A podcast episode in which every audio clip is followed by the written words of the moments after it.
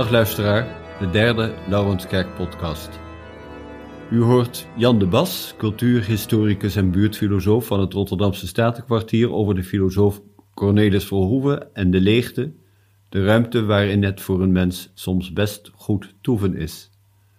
U hoort mij, Bernard van Verschuur, over het Bijbelboek Job, dat voor mensen een troost kan zijn in zware tijden maar in Job kun je ook iets herkennen van Jezus in zijn worsteling met mensen en met God, waarbij het aansluit aan deze dagen Witte Donderdag en Goede Vrijdag voor Pasen. En over het boek Job, waarin de oorsprong te ontdekken is van een bepaald soort humor. En dan Hajo Boerema, organist van de Laurenskerk met stukken die door hemzelf worden toegelicht. Reacties kunt u kwijt via het e-mailadres op de website van kerkenindelaurens.nl Vertel ons wat u van de podcast vindt en stel een vraag als u die hebt. We doen er ons voordeel mee.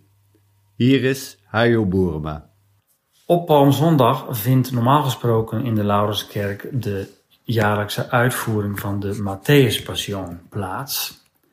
En in deze viering speel ik ook altijd het koraal O mens bewaar dein groß. Het leek me aardig om dat ook nu uh, in te spelen. Uh, de leraar van Bach, Dietrich Buxtehude, heeft ook een paar prachtige koraalbewerkingen geschreven. Ook op de melodie van O Haupt voor bloed und. En daar kunt u ook naar luisteren. Het laatste stuk wat u kunt horen is weer van Bach. Christus der ons selig macht. Een koraal wat we ook vinden in de Johannespassion. En Bach heeft deze melodie ook verwerkt als koraalprelude.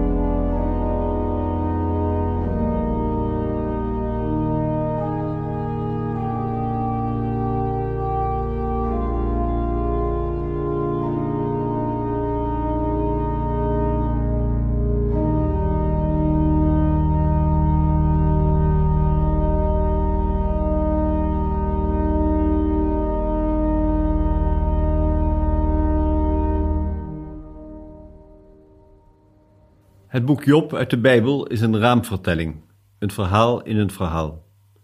In de hemel komen God en zijn tegenstrever Satan elkaar tegen. Satan heeft net een zwerftocht over de aarde gemaakt. En, vraagt God, heb je toevallig ook Job gezien? Zo'n vroom en goed mens vind je nergens. Ja, Job is hem niet ontgaan, maar weet Satan zeker dat die Job zo goed en zo vroom is, komt alleen omdat alles in het leven hem meezit.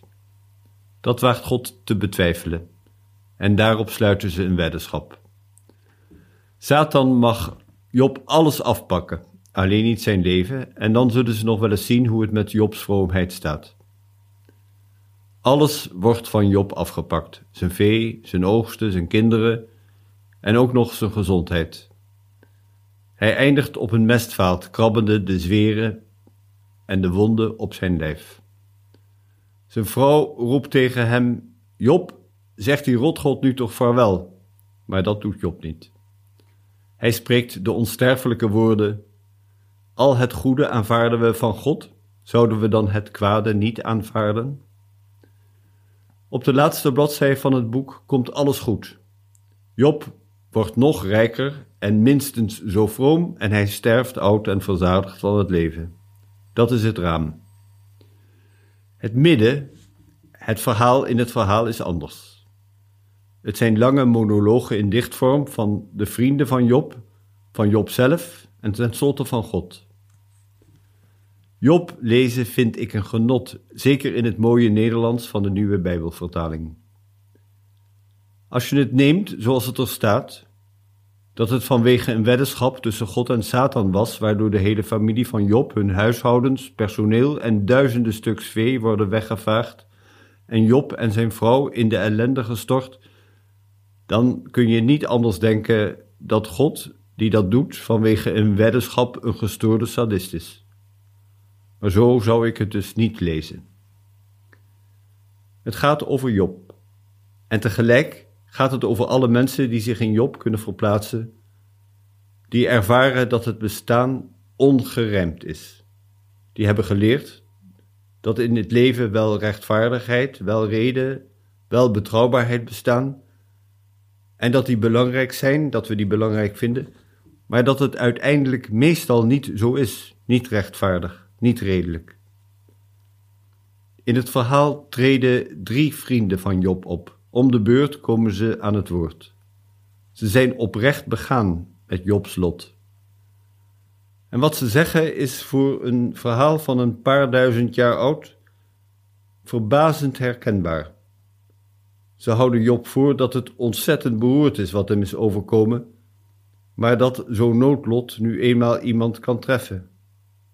En zeggen zij: Niets is zomaar, voor alles is een reden die wij niet kennen niet kunnen kennen vaak, maar God kent die reden.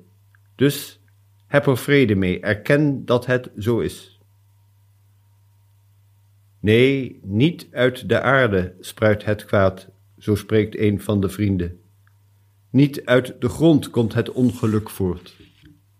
De mens is voor het ongeluk geboren, zoals vonken uit het vuur omhoog spatten ik zou me in jouw plaats tot God wenden, aan God zou ik het oordeel overlaten.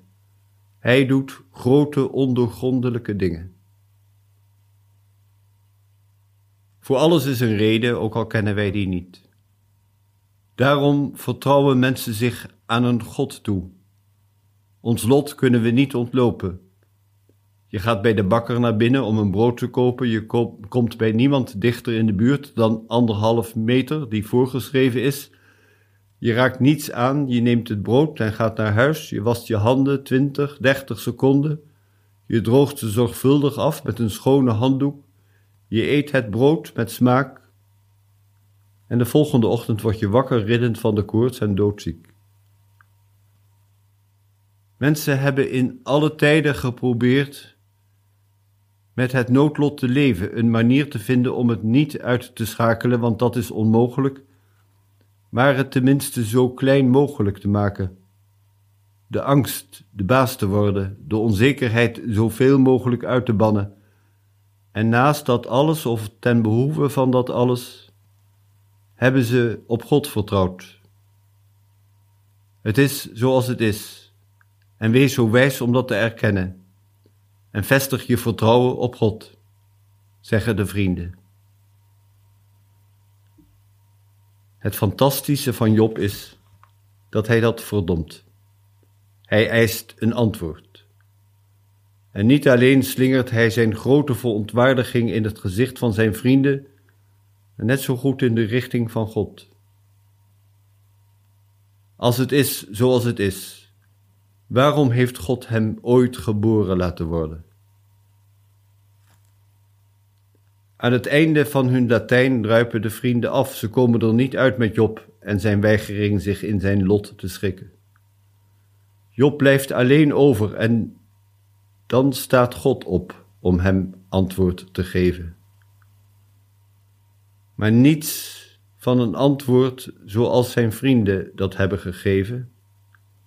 Job en God staan als twee boksers in de ring waarbij Job volkomen kansloos en groggy de ene klap naar de andere moet incasseren.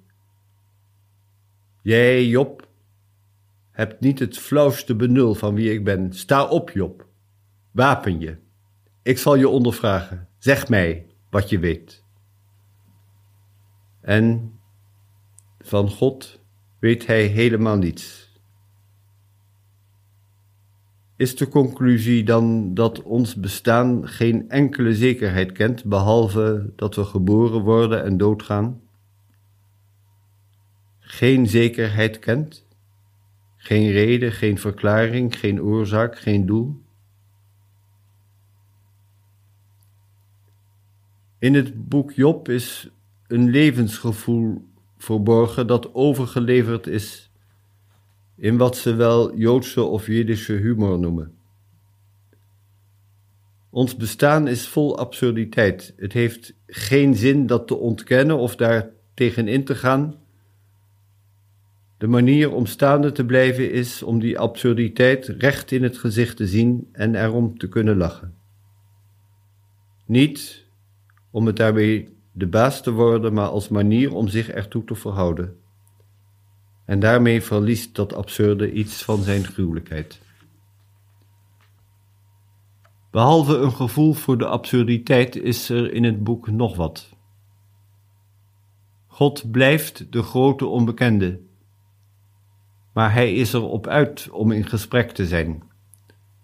Aan het slot prijst God Job en moppert hij op de vrienden van Job, die het allemaal recht wilden praten, die net zo goed of beter nog dan God wisten hoe de vork in de steel zit. Ik ben in een christelijke omgeving opgegroeid. Als kind hoorde ik over God en de Zoon van God. En zoals dat meestal gaat als je kind bent, je vindt daar niet zoveel vreemds aan. Maar dat God een zoon kan hebben, vonden en vinden Joden een affront. Net als moslims dat vinden. En wie van een God niks moet hebben, vindt de gedachte dat God er een zoon op na zou houden nog dwazer. In de Bijbel noemt Jezus God Vader als uitdrukking van respect en grote vertrouwelijkheid. Het idee van Jezus, die de Zoon van God is, is later ontstaan. Wat ik mij van God voorstel is dat Hij op communicatie is ingesteld en dat Jezus als meest nabije gesprekspartner de eerste en de meest uitgesprokene manifestatie daarvan is. En daarmee ook een waardige nakomeling van Job. Als je alle gedachten over de onmogelijkheid en de mogelijkheid van een God even opzij probeert te zetten, dan kun je de verhalen van Jezus in de Bijbel een beetje vergelijkbaar met wat Job wat in Job verteld wordt, verstaan als een voortdurend in gesprek zijn. Van Jezus met God en van Jezus met de mensen om hem heen. En ook daarin, in die gesprekken, ontdek je een zweem van absurditeit. Het is niet een gladjes lopende conversatie, het botst en het is soms schokkend. Er wordt geklaagd en als het erop aankomt in de verhalen over verraad en terechtstelling wordt er ook gezwegen, ook van de kant van God, bijna zoals bij Job. Als Jezus tegen God zegt dat hij hem verlaten heeft. Het gesprek, gesprek stokt, de grote vragen blijven onbeantwoord. De verantwoordelijkheid en de schuld, rechtvaardigheid en hoe dingen worden rechtgezet of kunnen worden rechtgezet. Al stokt het gesprek, ook al is er zwijgen tot in het graf. De communicatie zal niet blijken te sterven. Dat is wat ik mij voorstel van hoe het zit tussen mensen en God. Maar daarmee loop ik vooruit op Pasen. Een paar verzen uit het boek Job tot slot, waar God tegen Job uitvaart hoe die het waagt van hem, van God te eisen, en hem onderwijst over zijn werk waar Job geen benul van heeft. In een taal die schittert van de pure blijdschap, waarmee de een zich aan de ander te kennen geeft. En de Heer antwoordde Job vanuit een storm. Hij zei: wie is het die mijn besluit bedekt onder woorden vol onverstand? Sta op, Job, wapen je. Ik zal je ondervragen. Zeg mij wat je weet. Waar was jij toen ik de aarde grondvestte? Vertel het me als je zoveel weet. Wie stelde haar grenzen vast? Jij weet dat toch? Wie strekte het meetlint over haar uit? Waar zijn haar sokkels verankerd? Wie heeft haar hoeksteen gelegd terwijl de morgensterren samen jubelden en Gods zonen het uitschreeuwden van vreugde? En wie sloot de zee af met een deur toen ze uit de schoot van de aarde brak? Ik hulde haar in een gewaad van wolken en omwond haar met donkere nevels ik legde haar mijn grenzen op en sloot haar af met deur en grendelbalk. En zei, tot hiertoe en niet verder. Dit is de grens die ik je trotse golven stel. Heb jij ooit de morgen ontboden, de dageraad zijn plaats gewezen om de uiteinden van de aarde te pakken en de goddeloze van haar af te schudden? Als klei waarin een zegel wordt gedrukt, zo krijgt de aarde vorm. Haar oppervlak wordt gedrapeerd als een kleed.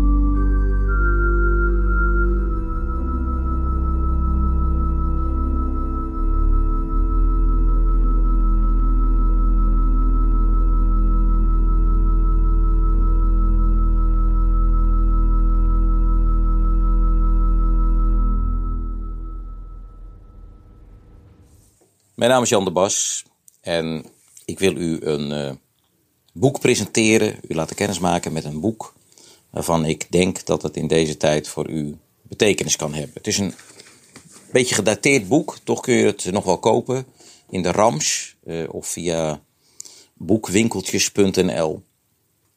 Het is een boek van uh, Cornelis Verhoeven en het boek heet Rondom de Leegte. En ik zit nu te bladeren in de versie die ik in mijn hand heb. En die dateert, even zoeken naar het jaartal, uit 1969. Rondom de Leegte is een, uh, bundel met uh, essays. En Rondom de Leegte is eigenlijk het laatste essay uit deze bundel. Uh, in deze bundel staat trouwens ook een zeer interessant stuk, dat heet Filosofie van de Troost. Maar ik wilde me vooral richten op Rondom de Leegte, want dat is toch wel de reden om dit boek te promoten. Uh, afgelopen week heeft uh, de paus te kennen gegeven dat de straten gevuld waren met leegte. Cornelis Verhoeven schrijft rondom de leegte.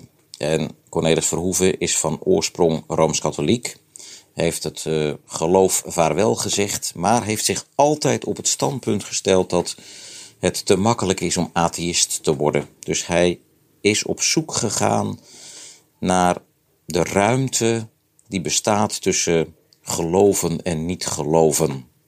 Tussen God en niet God. Vroeger was filosoof, hoogleraar. Hij uh, heeft een priesteropleiding gehad, is uh, toen uh, de filosofie ingegaan, de klassieke talen heeft hij gedoseerd. En Vroeger is eigenlijk uitgegroeid in de vorige eeuw tot de bekendste en meest gelezen Nederlandse filosoof. En zijn werk kenmerkt zich eigenlijk door wat wel wordt genoemd het omcirkelen. Rondom de leegte is daar ook een voorbeeld van. Het omcirkelen, dat wil zeggen dat hij omtrekkende bewegingen maakt om verschijnselen te verkennen.